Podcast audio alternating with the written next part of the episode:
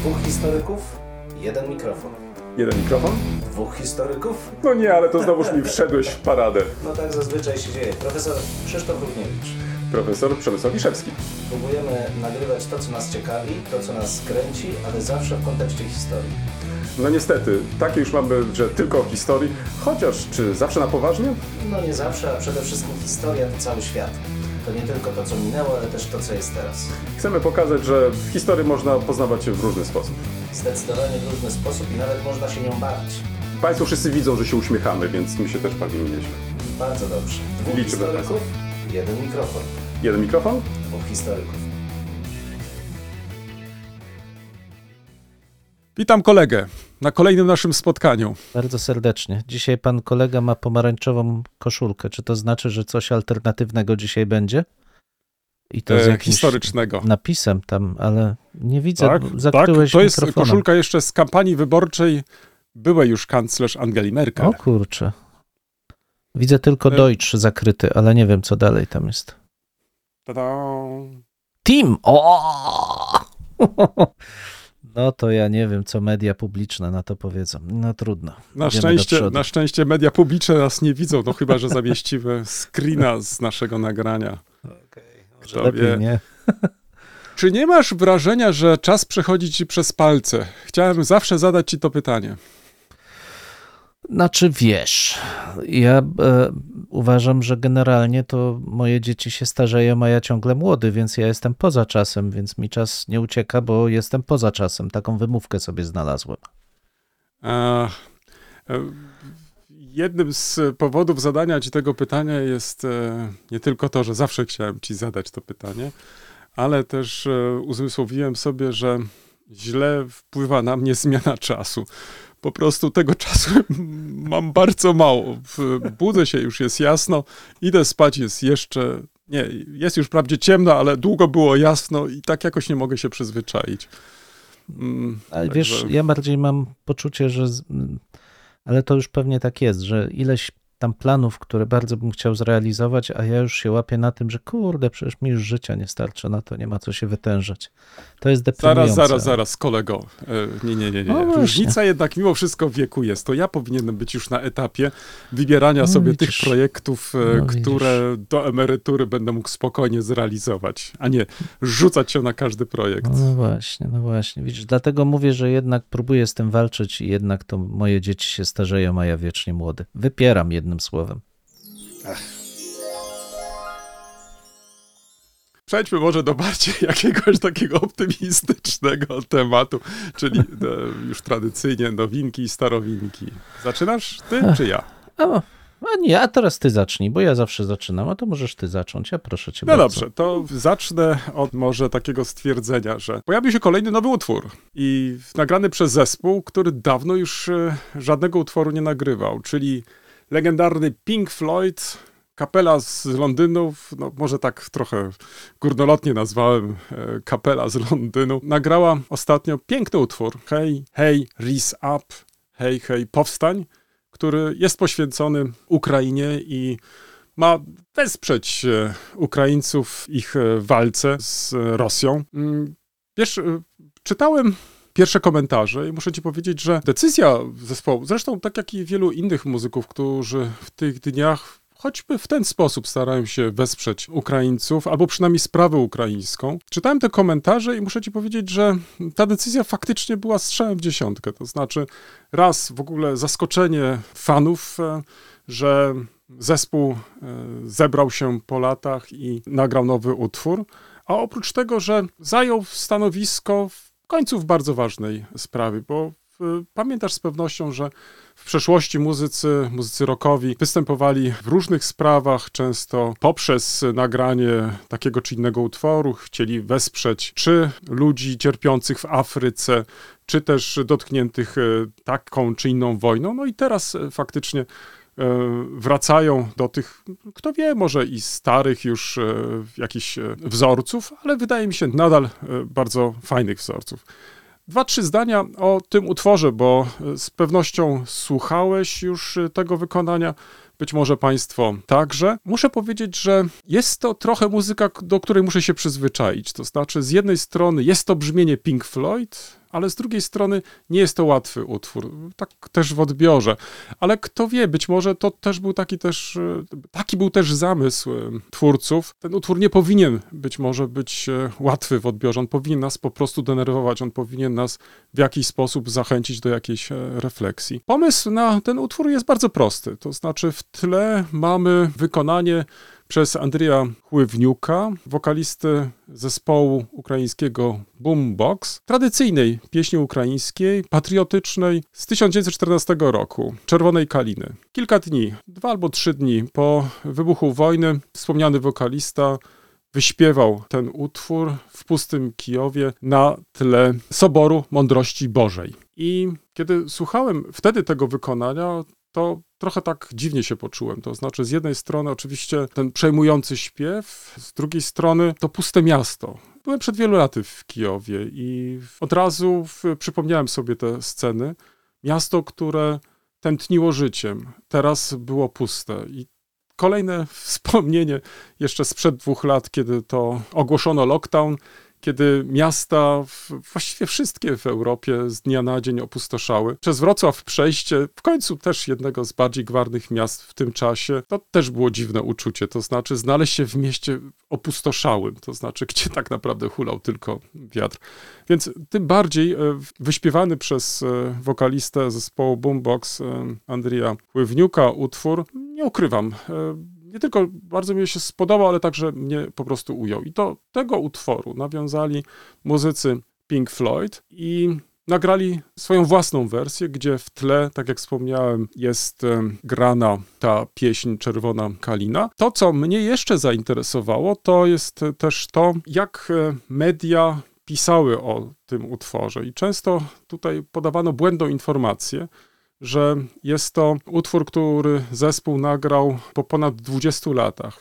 Kto by sięgnął do dyskografii zespołu, to by się okazało, że to nie do końca jest prawdą, ponieważ ostatnią płytę e, zespół nagrał w 2014 roku i była to płyta nazwana Endless River, bezkresna rzeka, chyba tak można byłoby to przetłumaczyć. Ponadto inna taka błędna informacja, która się przewinęła przez media, to historia wspomnianej Czerwonej Kaliny, gdzie podkreślano, że jest to pieśń, hymn wręcz e, ukraińskiej powstańczej armii, co jest po prostu błędem, to znaczy ta pieśń jest e, o wiele starsza, tak jak wspomniałem, już w 14 roku śpiewali ją strzelcy siczowi. Sam tekst e, jest e, też starszy. Badacze zwracają uwagę, że pewne fragmenty tego tekstu były już znane w XVIII wieku, a w następnych dziesięcioleciach czy stuleciach ta pieśń została na nowo zaadoptowana, a następnie wybrzmiała wraz z rozpoczęciem I wojny światowej. No i można powiedzieć, że kolejną swoją młodość przeżywa właśnie w tych dniach, bo pojawiło się już tyle różnych wersji tej znanej piosenki, tego utworu Czerwona Kalina, że myślę za chwilę także i my pewnie będziemy z pamięci ją śpiewać.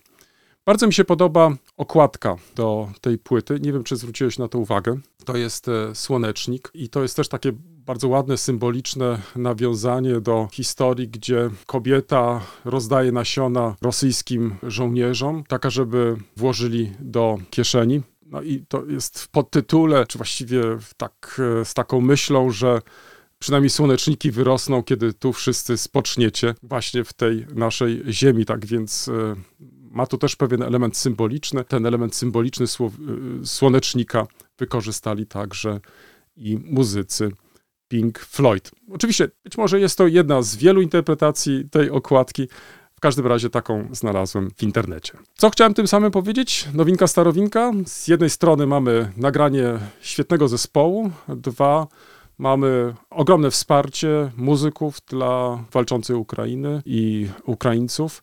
Ponadto przy tej okazji można, przy tej, przy tej okazji można też sporo się dowiedzieć o różnych szczegółach, to znaczy kiedy zespół przestał grać, jaki jest obecny skład zespołu, dlaczego na przykład Roger Waters nie wystąpił w tym utworze, a następnie zwrócić uwagę też na pewne błędy, przeinaczenia, które w mediach się pojawiły i o których warto przecież dwa zdania powiedzieć więcej. Do, dorzucę coś do słonecznika. Dorzucaj. Nie wiem, czy Tak, nie wiem, czy widziałeś e, taki mem, gdzie pokazane jest piękne pole kwitnących słoneczników i na dole dialog e, między ojcem i dużo młodszym synem. Rzecz się dzieje w przyszłości na Ukrainie i ojciec, patrząc na to pole, mówi: Patrz, synu, tutaj toczyła się zawzięta walka. Więc to smutne dość, ale z drugiej strony pokazuje rolę humoru, jaki w tych trudnych czasach też e, mm, powinna e, się e, pojawić. Ja mam trochę inną nowinkę, starowinkę, mniej muzyczną, ale w jakimś sensie odnoszącą się do tematów, które tu podejmujemy i podejmować będziemy. Mianowicie dotyczy ona nazwy hmm, Polski, czy właściwie znaczenia początków nazwy mm, Polski. Temat nie nowy, on na nowo został właściwie wywołany publikacjami profesora Banaszkiewicza lata e, temu i e, profesora e, Topolczaja, którzy sugerowali, że ta tradycyjna nazwa Polonia była takim sztucznym tworem, to zwłaszcza profesor Banaszkiewicz, przepraszam, Urbańczyk, już mi się tutaj miesza, Urbańczyk, który wskazywał, że to Otton III miałby doprowadzić, czy właściwie jego dwór miałby doprowadzić do ukucia takiej wersji Bolonia, Polonia. Dlatego też jako pierwszy pojawia się właśnie w okolicach roku tysięcznego, właściwie tuż po roku, tuż po roku tysięcznym w żywocie świętego, świętego Wojciecha, gdzie mamy Bolislao Palaniorum, Palaniorum Duce. Nie wszyscy się zgadzają z takim E, z taką sugestią. Wskazuje się tutaj na źródła mniej więcej z tego samego okresu, które odnoszą się do wcześniejszych wydarzeń, i tam również pojawiają się wskazania dotyczące Mieszka I, z kolei, który miałby być e, również e, księciem, no właśnie, Polan. I to też jest jeden z żywotów świętego Wojciecha Pióra Bruno z Kwerfurtu i także kronika Titmara. Można by dyskutować, co tutaj jest pierwsze, ale rzeczywiście e, patrząc na naturę e, tych nazw, wydaje się mało prawdopodobne, aby mm, taki egzonim przychodzący z zewnątrz został przyjęty przez ludność miejscową, a został przyjęty. No i tutaj właśnie podążamy dalej za Pawłem e, Żmuckim, autorem artykułu, który ukazał się w takim tomie Competing Narratives of the Past in Central and Eastern Europe, czyli hmm, konkurencyjne opowieści o przeszłości w środkowej i wschodniej Europie między około 1200 a 1300 hmm, rokiem. On śledzi znaczenie tej nazwy, to znaczy, co może się kryć za tą nazwą. W momencie, kiedy ona się e, narodziła, porównuje tutaj źródła polskie, które przekazują informacje o pierwszej nazwie, Mm, Polski i Polaków. E, stara się je zostawić także z mm, historiograficznymi źródłami ruskimi i węgierskimi. No i co uderza przede wszystkim to, że choć nazwa przyjęła się właśnie już na początku XI wieku i rzeczywiście, kiedy weźmiemy najstarsze źródła, e, które powstają w kręgu piastowskim, to właśnie Bruno z Kwerfurtu, a potem ta Mm, wspaniała kronika Anonima Gala, to tam właściwie bez wahania używa się określenia Polonia Polonii, ale już u świętego Wojciecha, przepraszam, już, już mi się wszystko myli dzisiaj, ale już w kronice Kadłubka, proszę Państwa, mamy więcej określeń, bo mamy też i Wandalów, i mamy Lechitów, i wreszcie na końcu mamy e, Polaków. I te terminy zaczynają wchodzić w historiografię polską, rzeczywiście i Wandalowie, i Lechici, i Polacy e, krążą w tej średniowiecznej historiografii na zasadzie takiej zamiennej trochę, zwłaszcza Lechici i, i Polacy, zwłaszcza od momentu, kiedy upowszechnia się ta tradycja e, trzech braci, Lecha, Czecha i Rusa, którzy mieli wędrować, zresztą notabene przejęta najprawdopodobniej z terenów germańskich, ale niezależnie od wszystkiego sporne, pozostawała, sporne pozostawało znaczenie e, terminu Polonia e, i w, konsekwencja, w konsekwencji Polonii. Bardzo ładne określenie znajdziemy w Otia Imperialia Gerwazego e, Stilbury to jest chyba takie jedno z najwcześniejszych z XIII wieku wytłumaczeń, czy jednocześnie pokazania, jak widzieli ten, tą nazwę i rozumieli tą nazwę ludzie z zewnątrz, spoza Polski. on wprost napisał, że Polska, która nazywana jest e, jakby w ich em, słowach, w ich języku, tak jak e, kampania. Kampania, czyli no dosłownie Polska, czyli jakiś kraj, pól w mm, najprostszym tego e, tłumaczeniu. Zresztą pojawia się to em, takie określenie campestrium provinciolam, czyli em, w jakby niewielka, niewielka prowincja e, pełna pól, polna, jakkolwiek byśmy to nazwali. I teraz porównując mm, te wszystkie znaczenia, bo one bardzo są niejasne. O, czy Najprostsze są Wandalowie, oczywiście od rzeki Wisła, Wandalus to starożytne jeszcze mm, korzenie i stąd nasi antykwaryczni historiograficy, je, historiografowie je wywodzili, ale pozostałe nazwy, czyli Lechici i e, Polacy, Polonii są bardzo niejasne w zasadzie tego, mm, to, tych Lechitów, połączenie z Leszkiem i z jakimś takim e, sprytem, którym mieli się cechować potomkowie Leszka, jest e, również bardzo takie uczone i wcale nie jesteśmy pewni, czy rzeczywiście mm, takim, e, w takim sensie należałoby je odczytywać. No ale najciekawsze oczywiście jest, to są ci Polacy. Skąd się to wzięło? Dawniej tłumaczyliśmy Polskę jako krainę pól w ogóle, że to są puste przestrzenie, które gdzieś tam były pośrodku lasów, no i dlatego ta Polska, bo tutaj takie dziwne sytuacje. Ale konkludując porównanie tych źródeł ruskich, węgierskich i polskich, Paweł Żmudzki wskazuje, że najbardziej pra- prawdopodobne jest określenie czy wytłumaczenie, że Polonii to w zasadzie tyle co rolnicy, osoby uprawiające ziemię.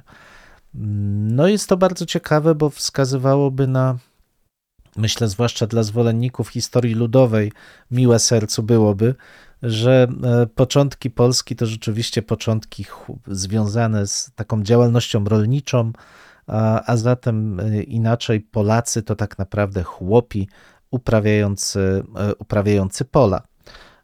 Czy ta etymologia się utrzyma, czy takie rozumienie rzeczywiście e, można by utrzymać, e, zobaczymy. Mam trochę wątpliwości, ale Wydaje mi się to bardzo ciekawą propozycją, nie wcale jakąś szczególnie mm, jakby w- wyjątkową, bo rzeczywiście rola e, oraczy, rola w, e, rolników e, w tej mitologii całej słowiańskiej zawsze była bardzo istotna, więc wydaje się to dość prawdopodobne. Więc jeżeli ktoś Państwa zapyta, a kim Ty jesteś, nie musicie Państwo odpowiadać Polak mały, tylko możecie powiedzieć kmieć mały. Dziękuję bardzo. Tak, no burzy to faktycznie wyobrażenia niektórych, nie wiem czy mniejszości, czy większości. Kto wie, po reakcjach na nasz odcinek pewnie się dowiemy. Kto jest zadowolony z takiej interpretacji, a kto też nie. To oznacza, że przechodzimy do lektur. Zaczynaj właśnie. Dobrze, to ja pozwól, że zacznę. Przygotowałem kilka lektur, jedną wskazówkę i jeden podcast, na który chcę zwrócić e, szczególną uwagę. Zacznę może od lektur. Koledze pokażę, to jest e, egzemplarz sygnalny. Proszę bardzo, jest już fizycznie w moich rękach. Mianowicie Piękny. jutro nasz uniwersytet będzie wręczać, e, chyba tak można powiedzieć, najwyższe odznaczenie, jakie może otrzymać e, albo jakie nadaje uniwersytet, czyli doktor honoris causa. Jutro to e, wyróżnienie, Godność honorowa Trzyma. się mówi. godność honorową otrzyma profesor Hubert Orłowski, germanista, ale także kulturoznawca. Ja nawet bym zaryzykował twierdzenie, że zamiłowania historyk.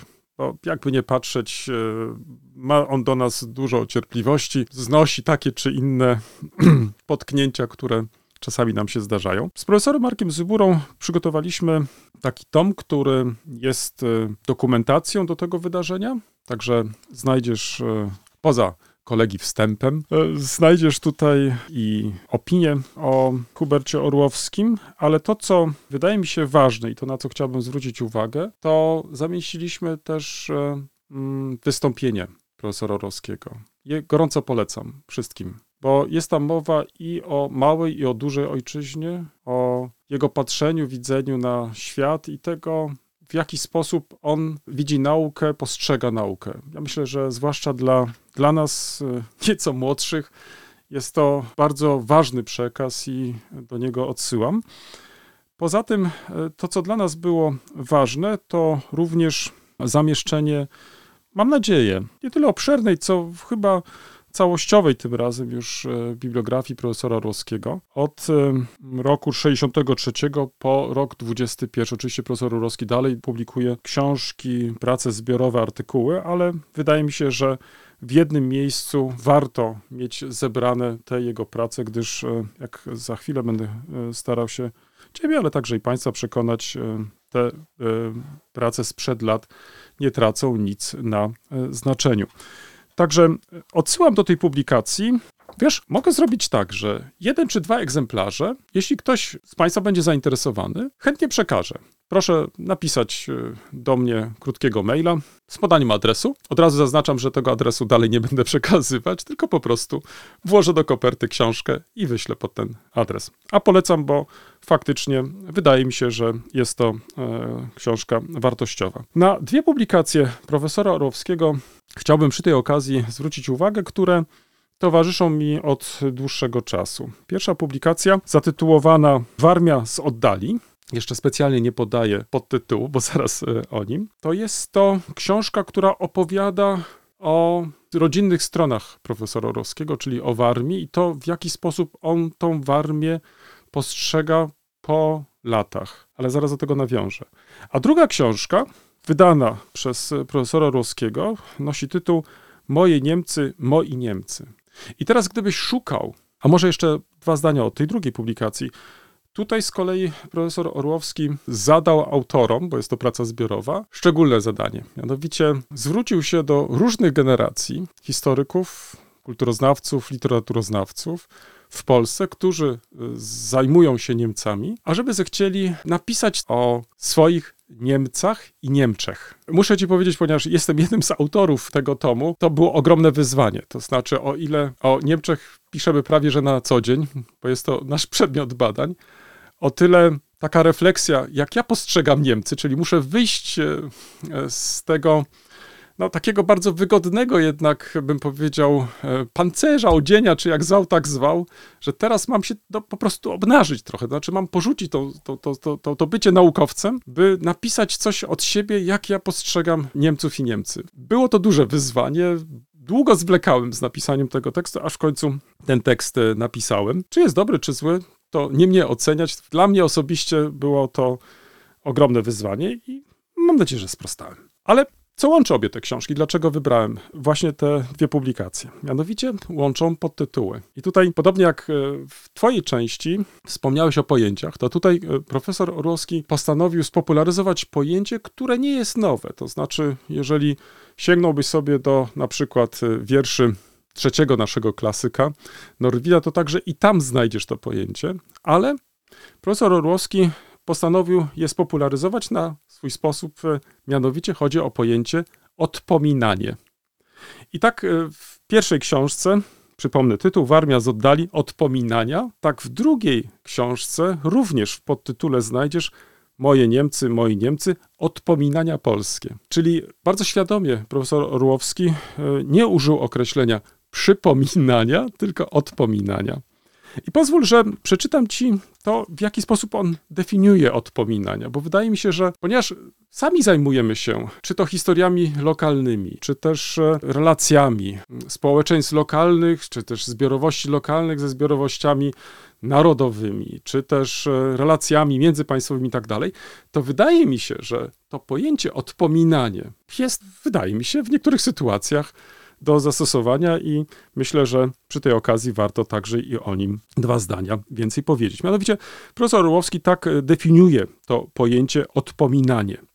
Odpominaniem nazywam zdejmowanie kolejnych pokładów zapomnianych, a może i wypartych przeżyć oraz doświadczeń, uwarunkowane moją dzisiejszą interesownością poznawczą od takim swoistym horyzontem oczekiwań. Horyzont ten może być zarówno stanem żywiołowym, który bierze się z kolejnych faz konkretnego jednostkowego życia, czy zwykłego przypadku, jak również rezultatem świadomości chęci i potrzeby wyznaczenia sobie miejsca na Ziemi. Przypominanie to zabieg dający się opisać w laboratoryjnych kategoriach psychologii eksperymentalnej. Odpominanie natomiast to proces długotrwały, platany w teraźniejszość gęstwą motywacji i jak najbardziej współczesnych hik and nunc. Tyle profesor Orłowski, ale to, co wydaje mi się nie mniej ważne, to już w tej następnej publikacji Moi Niemcy, Moi Niemcy rozwija tą myśl mm, wspomniany autor i e, zestawia to z parą innych znaczeń, innych pojęć. Z jednej strony odpominanie, z drugiej strony kultury pamięci, polityka historyczna. O ile odpominanie jest czymś osobistym, czymś, co pozwala nam wyrazić swoje zdanie, tak e, ta inna para zdań, czy tam tych innych pojęć, jak kultura pamięci, czy kultury pamięci, czy polityka historyczna, czy polityki historyczne, to jest coś, co jest po prostu niejako narzucane. To znaczy to, z czym musimy się po prostu też e, zmierzyć.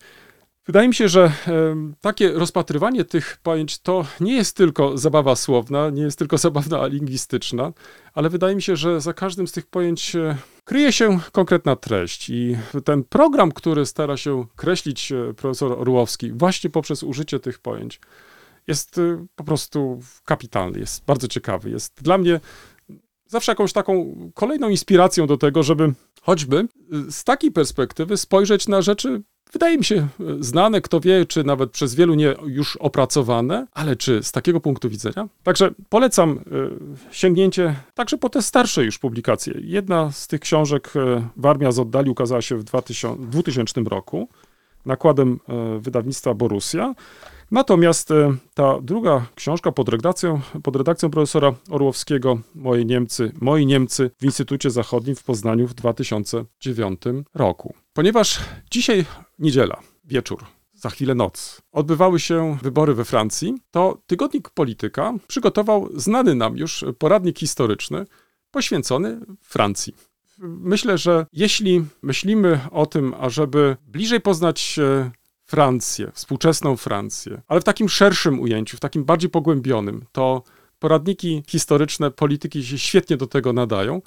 A to, na co chciałbym zwrócić uwagę, i chyba, jeśli się nie mylę, podczas naszych ostatnich spotkań jakoś e, nie nawiązaliśmy do tego. Mianowicie w grudniu ubiegłego roku ten sam tygodnik Polityka przygotował inny poradnik, który dzisiaj jest jak najbardziej aktualny. To znaczy, ukazał się wtedy poradnik Polacy i Ukraińcy, dzieje sąsiedztwa. Polecam gorąco oba te wydania. Autorami w obu tych e, poradnikach są nasi e, koledzy z Instytutu Historycznego, także gratuluję im kapitalnych tekstów, e, a jednocześnie zachęcam Państwa do lektury, bo wydaje mi się, że taka pogłębiona lektura pozwala nie tylko, tak jak wspomniałem, inaczej spojrzeć na Francję, dzisiejszą e, Francję, ale przede wszystkim nie poddawać się może e, czasami takich, takim prostym stwierdzeniom, takim czy innym, które zwłaszcza ostatnio padają w przestrzeni publicznej, tylko e, starać się szukać odpowiedzi, dlaczego Francja uprawia dzisiaj taką politykę, a nie inną, dlaczego zwraca uwagę na taki czy inny problem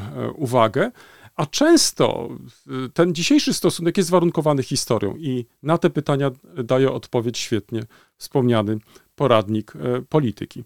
I jeden podcast na koniec, e, który jest jak najbardziej związany z tematyką, którą przed chwilą przedstawiłem, mianowicie wyborami we Francji. Kiedy słuchałem ostatnie wydanie, być może znasz ten podcast, Raport o stanie świata, to trafiłem na bardzo ciekawy wywiad z panią profesor Joanną Nowicką, specjalistką od informacji i komunikacji, która mówiła o dorobku Macrona po pięciu latach. To jest kapitalne podsumowanie, bardzo ciekawe. To mm, jak Francuzi oceniają Macrona, jego politykę, na co zwracają szczególnie uwagę, co na przykład e, uważają za jego mocną, co za słabą stronę. Wszystko to się różni bardzo od tego, co w Polsce czytamy o Francji. E, to, to jest bardzo ciekawe i to, co mnie się podoba, to autor tego wywiadu także pyta panią profesor, co ona sądzi z kolei właśnie o Macronie, o współczesnej Francji, więc e, jest to bardzo ciekawy i do tego pogłębiony wywiad, taki, który faktycznie bardzo wiele ciekawych e, aspektów wnosi. Natomiast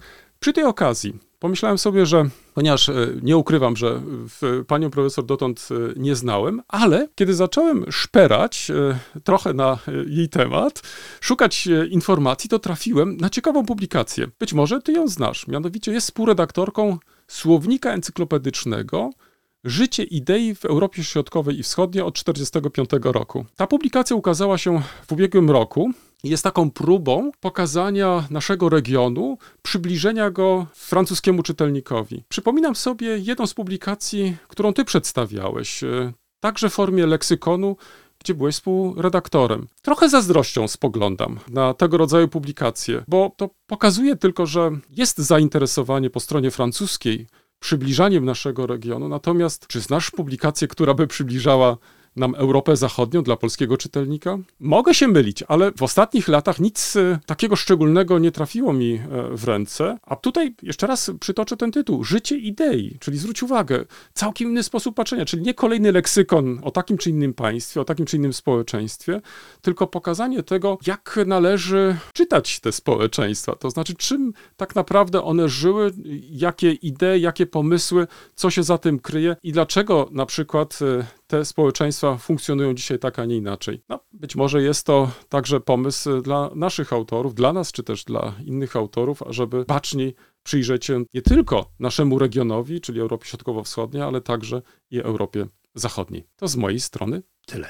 Bardzo ciekawe publikacje. No rzeczywiście muszę powiedzieć, że już od, od dawna się zastanawiałem w zasadzie, co my jako Polacy wiemy o Europie Zachodniej, bo z jednej strony niby wiemy bardzo dużo, no bo w zasadzie to jest ten krąg kulturowy, który uważamy za dominujący, wpływający na nas, kształtujący nas, ale to są straszne klisze najczęściej. I to takie klisze jeszcze z lat, przepraszam, ale edukacji PRL-owskiej, które w niewielkim stopniu uległy zmianie po 1989 roku. I to jest takie przygnębiające, muszę ci powiedzieć. Oczywiście my na co dzień obserwujemy, że re, relacja między tym, co jakby naukowcy wytworzą, a tym, co wchodzi do edukacji, to jest zawsze 10-15 lat takiego przesunięcia, ale ta trwałość takich klisz w spojrzeniu na kulturę naszych zachodnich sąsiadów, no rzeczywiście wymagałaby chyba zastanowienia i, no ale znów to, to chyba jest nasze zadanie, znaczy to my powinniśmy te książki napisać, um, nie zastanawiając się za bardzo, dlaczego ich nie ma. Znaczy, jeśli ich nie ma, to trzeba je napisać, więc kolejny projekt, nie możemy się starzeć, musimy przygotować kolejny ciekawy, ciekawy projekt. Ok, ja mam dzisiaj w zasadzie jedną książkę i jeden podcast. Y, y, To znaczy, że jestem skończonym leniem, ale to wcale nieprawda, po prostu tak się ułożyło akurat. Mm, Proszę Państwa, w, kolega tu mi wypomniał ostatnio, czy nie wypomniał, powiedział, że ja jestem wielbicielem wydawnictwa Czarne. Rzeczywiście, przyznaję, bardzo lubię, myślę, jak wie, bardzo wielu Polaków, rzeczy, no, bardzo dobre wydawnictwo, ciekawe reportaże. I Roman Husarski wydał w, mm, książkę w zasadzie w zeszłym roku Kraj niespokojnego poranka, pamięć i bunt w Korei Południowej. I gdybym powiedział, że jest to książka jakby wciągająca od pierwszej strony, to bym chyba skłamał. Znaczy, nie, nie jest to. Nie jest to ten typ pisarstwa, w, który rzeczywiście mnie akurat tak od razu wciąga i, i trzyma. Natomiast rzeczywiście jest to bardzo wnikliwa analiza funkcjonowania pamięci kulturowej e, Koreańczyków, ale południowych. Od razu tutaj e, dodajmy, że Korea Północna pojawia się w narracji, ale na marginesie i autor e, wyraźnie to od razu wskazuje, zresztą sam tytuł o tym mówi.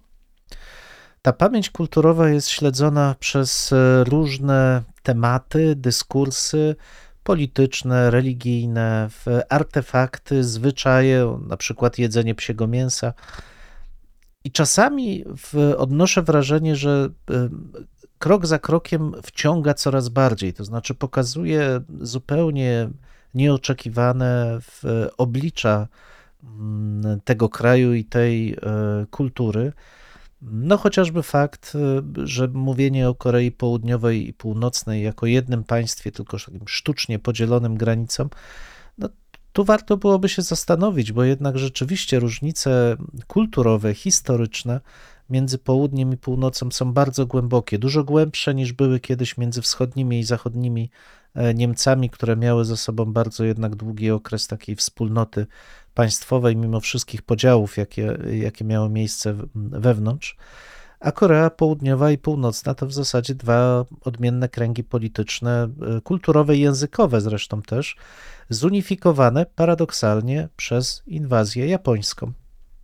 Rola Japonii też zresztą e, uderzająca, bardzo ciekawa, bo z jednej strony jest to, e, i to już kiedyś zresztą wspominałem, e, mówiąc o książ książce Michaela Buta Japonia, Chiny i Korea, Japonia jest traktowana z powszechną taką nienawiścią w tej pamięci kulturowej, ale w gruncie rzeczy to Japonia zrewolucjonizowała funkcjonowanie społeczeństwa koreańskiego, zmodernizowała go, wyrwała go z tego, z takiego specyficznego, no dziś to, to w cudzysłów bym to ujął, feudalnego społeczeństwa ku takiemu społeczeństwu, no, typu europejskiego, tak byśmy powiedzieli, XX, XX wieku.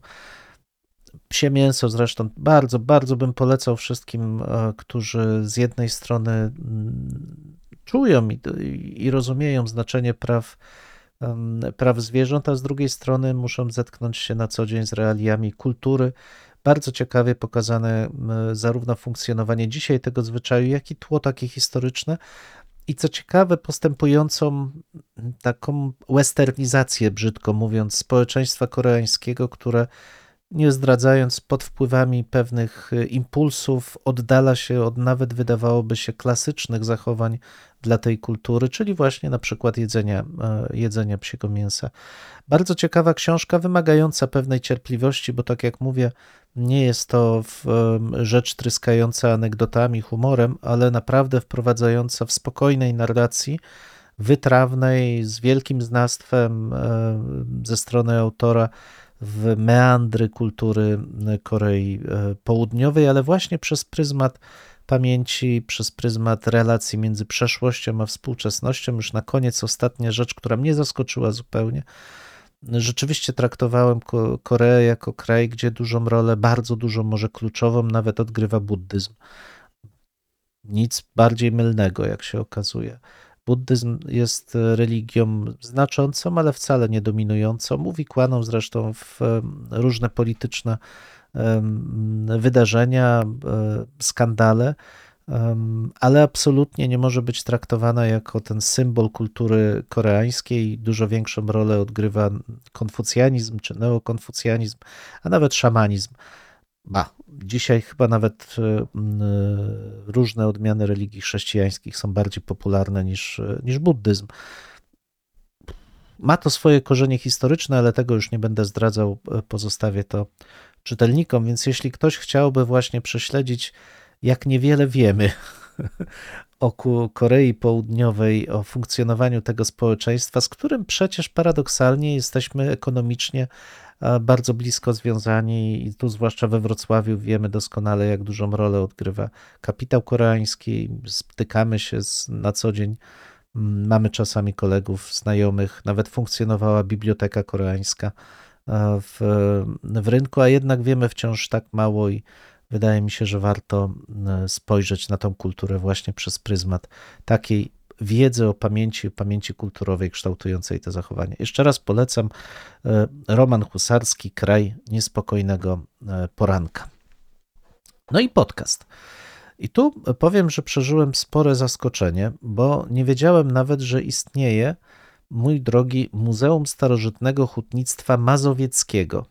Ale otóż nie mhm. tylko, że ono istnieje, ale to muzeum e, opublikowało no, kilkadziesiąt odcinków podcastu e, w dwóch seriach. Jeden dużo, jedno dużo dłuższe, w, takie zestawienie w listopadzie 2021 w, zawitało, e, zawitało na Spotify pod ogólną nazwą Barbaricum.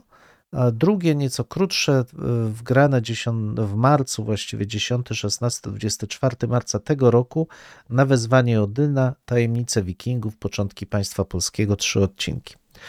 E, tak jak mówiłem, seria kilkudziesięciu w zasadzie, zwłaszcza ta pierwsza, e, Barbarikum e, podcastów, one nie przekraczają 15 minut, większa z nich nawet w okolicy 10 minut, o widzę, że tu jedna 19-minutowa jest wyjątkowa, w okolicy 10, między 10 a 15 minut te audycje em, się e, zamykają. Każda z nich jest e, krótką opowieścią dotyczącą w przypadku Barbarikum poszczególnych, e, poszczególnych ludów i mamy tutaj Bałtów, ale mamy też Cymbrów, Celtów, kogóż byśmy tu, Wandalów, o.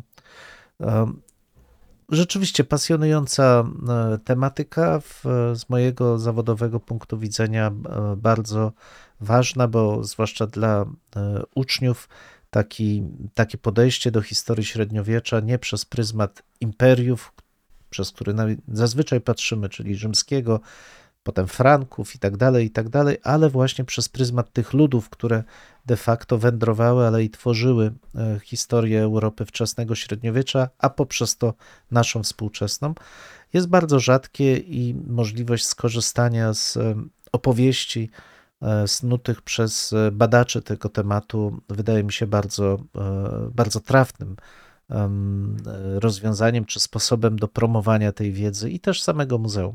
Natomiast jeśli chodzi już o samą realizację, no to tu miałbym pewne, no pewne uwagi, bo o ile sama długość tego bardzo mi odpowiada, bo to są króciutkie odcinki, rzeczywiście, jeśli ktoś chciałby na przykład lekcję urozmaicić, to 10 minut, 12 to jest świetne rozwiązanie.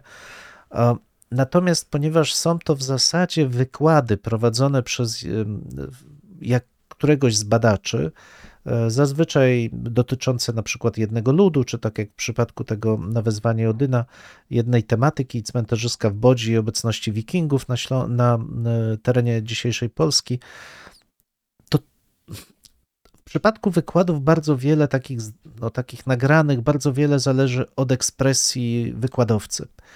Zdarzają się tacy, którzy potrafią modulować głos, zawieszać głos, rzeczywiście odmalować obraz swoim głosem, ale część z nas no, nigdy się tym nie trudniła i w zasadzie ten wykład sprawia wrażenie takiego bardzo fachowego, ale czytanego z kartki i niestety dość nudnego. Jest to taka pułapka, nad którą myślę, że prowadząc takie podcasty popularyzatorskie, warto się zastanowić, czy nawet najlepszy badacz jest najlepszym e, podcasterem, czy rzeczywiście nie będzie to trochę spalenie świetnego tematu, jeśli sprowadzimy to tylko do wykładu. Ja osobiście wolę zawsze dyskusję. Jest to żywsze, bardziej angażujące e, słuchacza. Tym niemniej, zwłaszcza e, dla osób, które prowadzą zajęcia w szkole, wydaje mi się to świetnym urozmaiceniem, ale też proszę pamiętać na wysokim poziomie, więc na pewno nie są to podcasty dla szkoły podstawowej, raczej dla zainteresowanych w liceum oraz osób, które po prostu są amatorami tej wiedzy wczesno-średniowiecznej. Oczywiście linki wszystkie będą w naszym opisie. I tyle z mojej strony na dzisiaj. Dziękuję, że zwróciłeś uwagę na tą stronę techniczną, bo nie zawsze na nią zwracamy uwagę. W przypadku tego przeze mnie wymienionego podcastu, raportu o stanie świata, to tam e, pojawia się, a ponieważ mamy do czynienia z odcinka na odcinek, z jednak z dłuższym materiałem, to znaczy takie odcinki trwają i półtora godziny, i dwie godziny, to autorzy postanowili wprowadzić e, wykaz e, tematów, które są poruszane podczas takiego odcinka z podaniem czasu, tak więc e, bez większych problemów, jeżeli chcesz na przykład posłuchać tylko jeden fragment, to znajdziesz go bez większych e, problemów i możesz go po prostu odsłuchać, więc wydaje mi się, że to jest też taka ciekawa e, forma, jak poruszać się po takim podcaście. Kto wie, może jak znajdziemy czas, e, może wprowadzimy także i w przypadku naszego podcastu takie rozgraniczenie, chociaż zdaję sobie z tego sprawę, że mm, może to chyba nie do końca być dobrze mm, widziane, bo zamiast słuchać nasz podcast od początku do końca, to musimy się liczyć z tym, że będą osoby, które tylko kolegę będą słuchać, a mnie już nie. No, ja, Z zazdrością ja uważam, będę że wtedy. przeciwnie. Ja tam, E, tak, akurat. E, kolega się będę jak tylko z zazdrością kryguje. spoglądać się na to, co się po prostu dzieje. się. Kolego Ech, tam, ech, włączaj te ach, krasnale tak. do głównego nurtu. Natomiast, natomiast, wiesz, e, inna rzecz jest taka, którą e, ktoś mi poradził, już nie pamiętam kto. E, Jeśli e, faktycznie e, jesteś e, poproszony o jakąś dłuższą wypowiedź, e, jeśli nawet czytasz z kartki, a ma to później być e, opublikowane w formie podcastu. Wiesz, co należy w takich sytuacjach robić? Nie, nie Trzeba zgodzić sobie się. wyobrazić e, odbiorcę. A najlepiej to zrobić, jeżeli postawi się jakieś zdjęcie przed mikrofonem i się mówi do tego zdjęcia. To może być na przykład Marilyn Monroe. Na przykład. E, Lub też, no, umówmy się, no, bohater z jeszcze innego typu. W każdym razie, e, podobno to pomaga. E, Nie wiem, czy słyszałeś o takiej metodzie. Em, ale wtedy faktycznie się- mówisz do kogoś konkretnego, a nie tylko do mikrofonu. Nie wiem, czy pamiętasz taki film Castaway i tam e, też rzeczywiście Tom Hanks, jak dobrze pamiętam, miał taką piłkę, do której przemawiał. To trochę tak, powiem ci, mam dreszcze, no nie wiem. To ja chyba jednak do swojego psa bym wolał przemawiać jednak niż do zdjęcia. No, ale Żywe popatrz, ale zaproponowałeś już e, przemawianie do kogoś. Także nie mówisz do Tak. pustej ściany, e, też do ściany, którą masz przed sobą, albo nie wiem, co tam jeszcze, tylko mówisz jednak do jakiejś wyimaginowanej postaci. Znaczy nie, nie, do konkretnej postaci, a nie wyimagi- Bardzo wyimaginowanej. No. Nie, bardzo Tak. konkretny, bardzo, bardzo, bardzo. To przechodzimy do naszego głównego tematu, a zarazem ostatniej części. Wybraliśmy sobie, ja przeczytam, bo, bo, bo on jest taki bardzo mądry. E, Kultury mniejszości w przeszłości i dziś. Proszę. Taki jest nasz temat.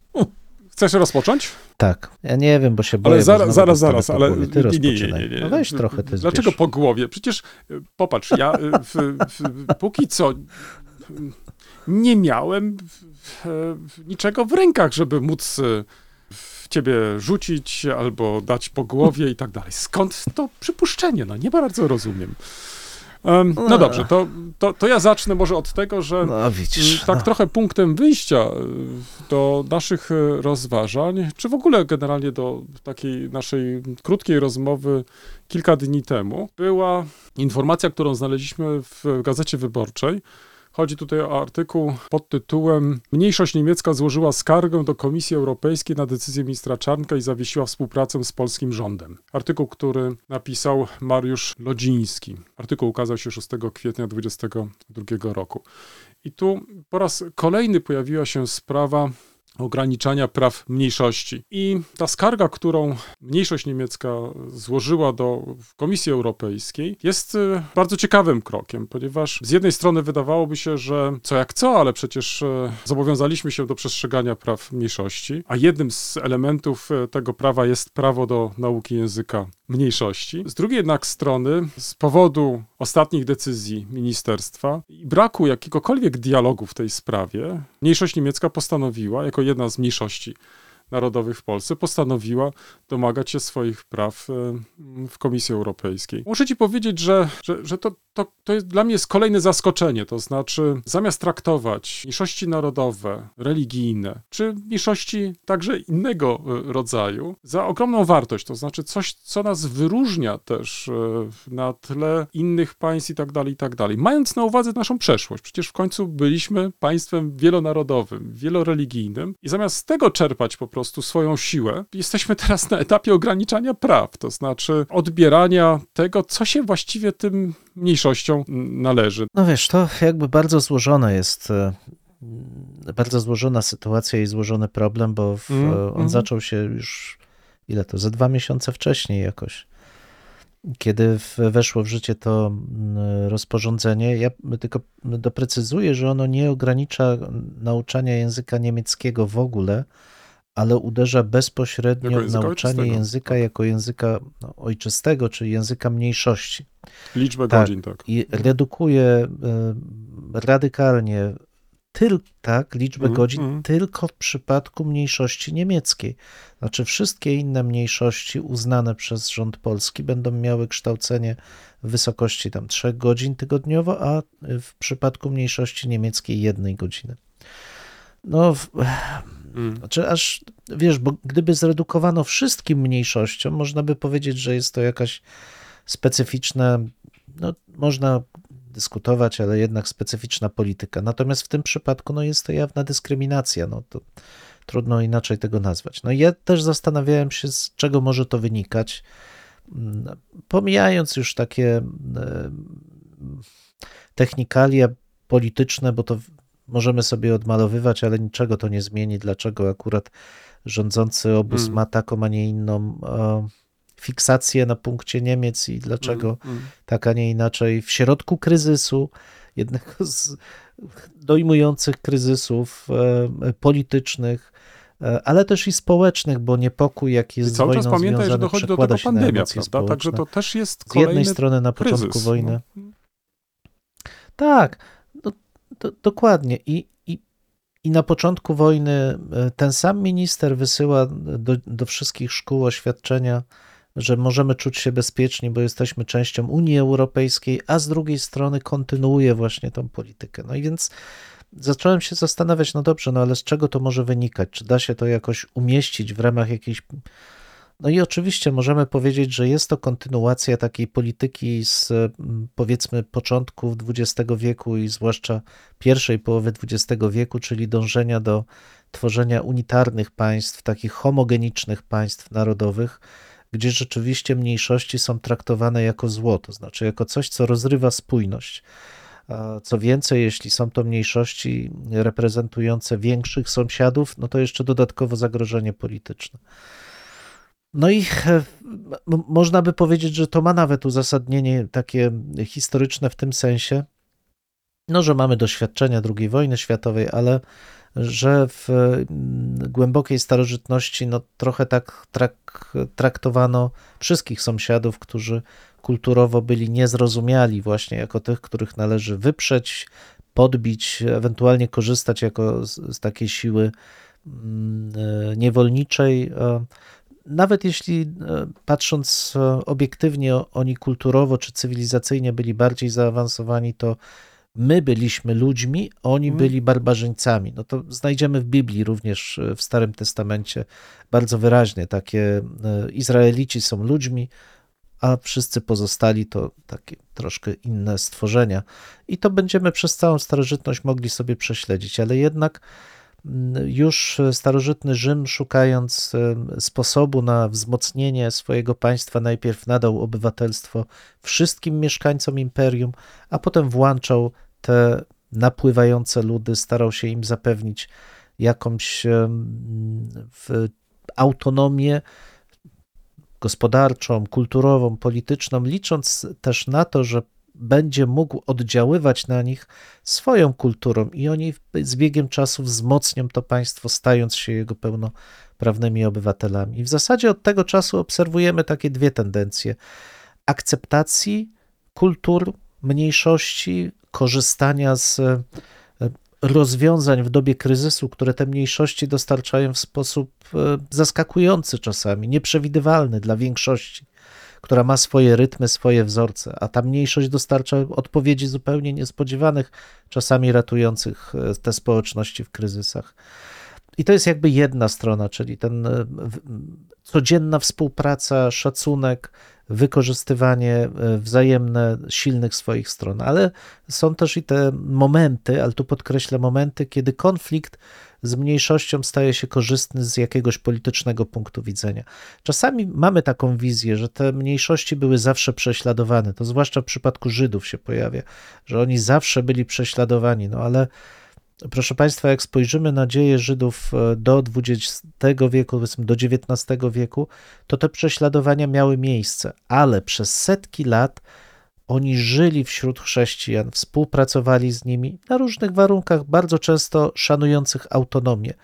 Podobna sytuacja dotyczy muzułmanów, podobna sytuacja dotyczy różnych odmian chrześcijaństwa. Krótko mówiąc, gdybyśmy spojrzeli na historię Europy, to przez większość czasu ci ludzie ze sobą współpracują. Natomiast w momentach kryzysu, walki o zasoby, które są limitowane, zawsze jest tendencja, że po, pojawi się jakiś polityk, który z miłą chęcią wykorzysta dla swojej, dla regulacji tego systemu politycznego, dla swojej korzyści potencjalną, potencjalną wrogość między większością i mniejszościami.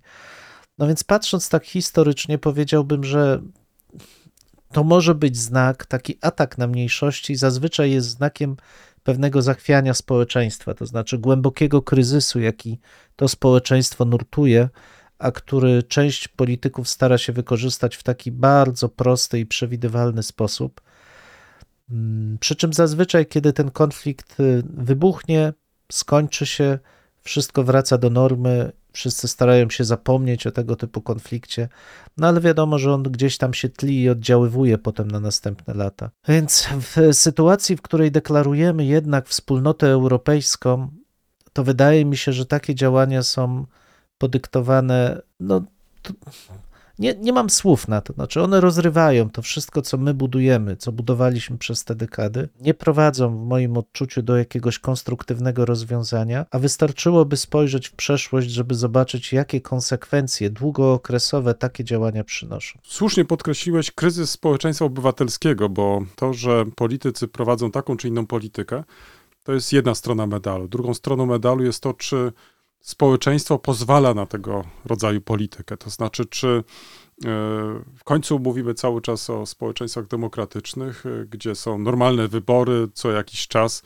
e, i trochę to od właśnie tych wyborców zależy, czy taki polityk jeden z drugim będzie dalej mógł uprawiać taką politykę, czy też po prostu nie.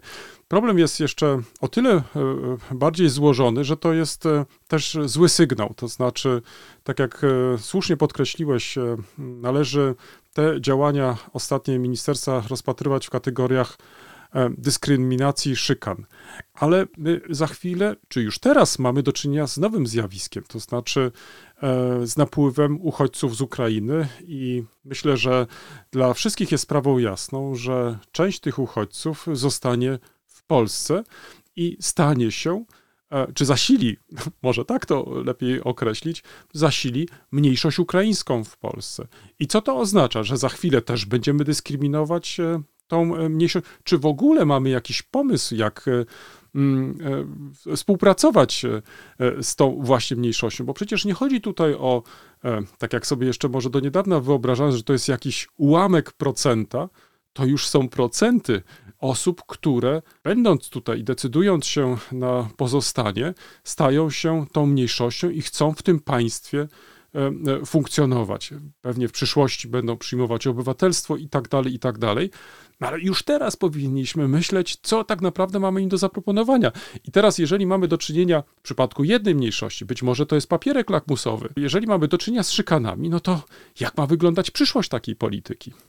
No tutaj z tym też mam duży problem, wiesz, to znaczy, że hmm, może zbyt mało zwracamy uwagę, także w szkołach, bo przecież wielokrotnie odwołujemy się e, w, do e, w szkół, ale być może i na uczelniach.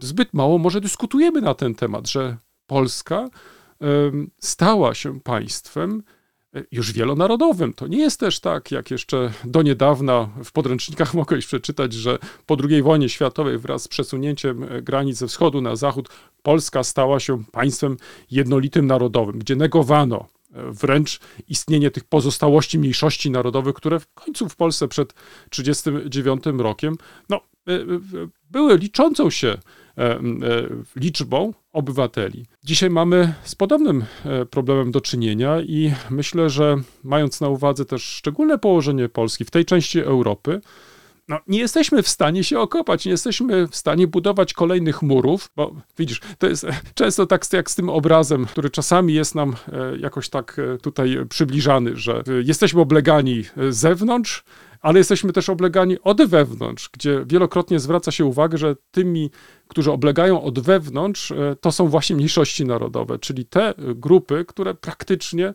no, są najsłabsze właśnie w tym e, społeczeństwie większości. I mi się wydaje, że taka dyskusja, taka debata, poprzez zwrócenie uwagi na specyfikę każdej z tych e, grup, ale też i tu się zastanawiam, bo odwołałeś się i słusznie do doświadczeń z historii Polski okresu XX wieku, zwłaszcza II wojny światowej. Tak się zastanawiam, czy cały czas powinniśmy te współczesne mniejszości, postrzegać przez pryzmat właśnie tych często tragicznych e, relacji, gdzie e, wiele dziesiątków lat później, także i dzisiaj, widzimy, że to praktycznie już nie odgrywa żadnej roli. To znaczy, że e, także i te mniejszości dzisiaj myślą już całkiem inaczej, że chcą współpracować, że chcą budować te mosty. Tylko pytanie, czy chcemy to dostrzec? Co się tak naprawdę w tych mniejszościach zmieniło w ich e, sposobie postrzegania, myślenia? No wiesz, w ogóle to jest trochę absurdalna sytuacja, bo pamiętajmy, że mniejszość niemiecka zwyczajowo politycznie w Sejmie zawsze głosuje za rządem. To jest taka stała praktyka, posłowie mniejszości głosują za rządem. Nikt nie ma o to pretensji, to jest zupełnie normalne, a podkreśla właśnie to, że mniejszość współpracuje z legalnie sprawującym władzę e, rządem Rzeczpospolitej. Mniejszość niemiecka jest częścią narodu niemieckiego, który razem z nami tworzy Unię Europejską. No i co tu dodawać więcej? No, jak, możemy dyskryminować członków narodu, którzy razem z nami tworzą Unię Europejską? Jest to dla mnie, a jednocześnie są obywatelami Polski. Bo pod, popatrzmy na to w ten sposób, że my sami zgadzamy się na to, żeby dyskryminować naszych współobywateli. Bo i to wydaje mi się też bardzo istotne, że mniejszościami bywa się w różnych okolicznościach. Bo mówimy o mniejszości narodowej, ale możemy równie dobrze mówić o mniejszości seksualnej, o mniejszości kulturowej, o mniejszości językowej. Bycie większością czy mniejszością jest bardzo płynne w społeczeństwie. Zależy od kategoryzacji, którą można zastosować na różne sposoby. I tak jak zawsze powtarzam, że naprawdę trzeba uważać, co dzieje się wokół nas, bo jeśli komuś dzieje się krzywda, to za chwilę nam też może stać się krzywda. I kamieniem węgielnym społeczeństwa obywatelskiego jest troska w równym stopniu o wszystkich obywateli. Dlatego społeczeństwo obywatelskie troszczy się o siebie, troszczy się też o mniejszości. W tym miejscu stawiamy kropkę lub też jak kto woli, kropkę nad i. No, mamy nadzieję, że to nie jest koniec, że to jest początek Waszych dyskusji. Mam nadzieję, że Was zaciekawili. Prosimy o komentowanie naszych zmagań z historią. Poniżej zdjęcia jest wystarczająco dużo miejsca. I pamiętajcie, nie regulujcie odbiorników. No, my naprawdę tak brzmimy.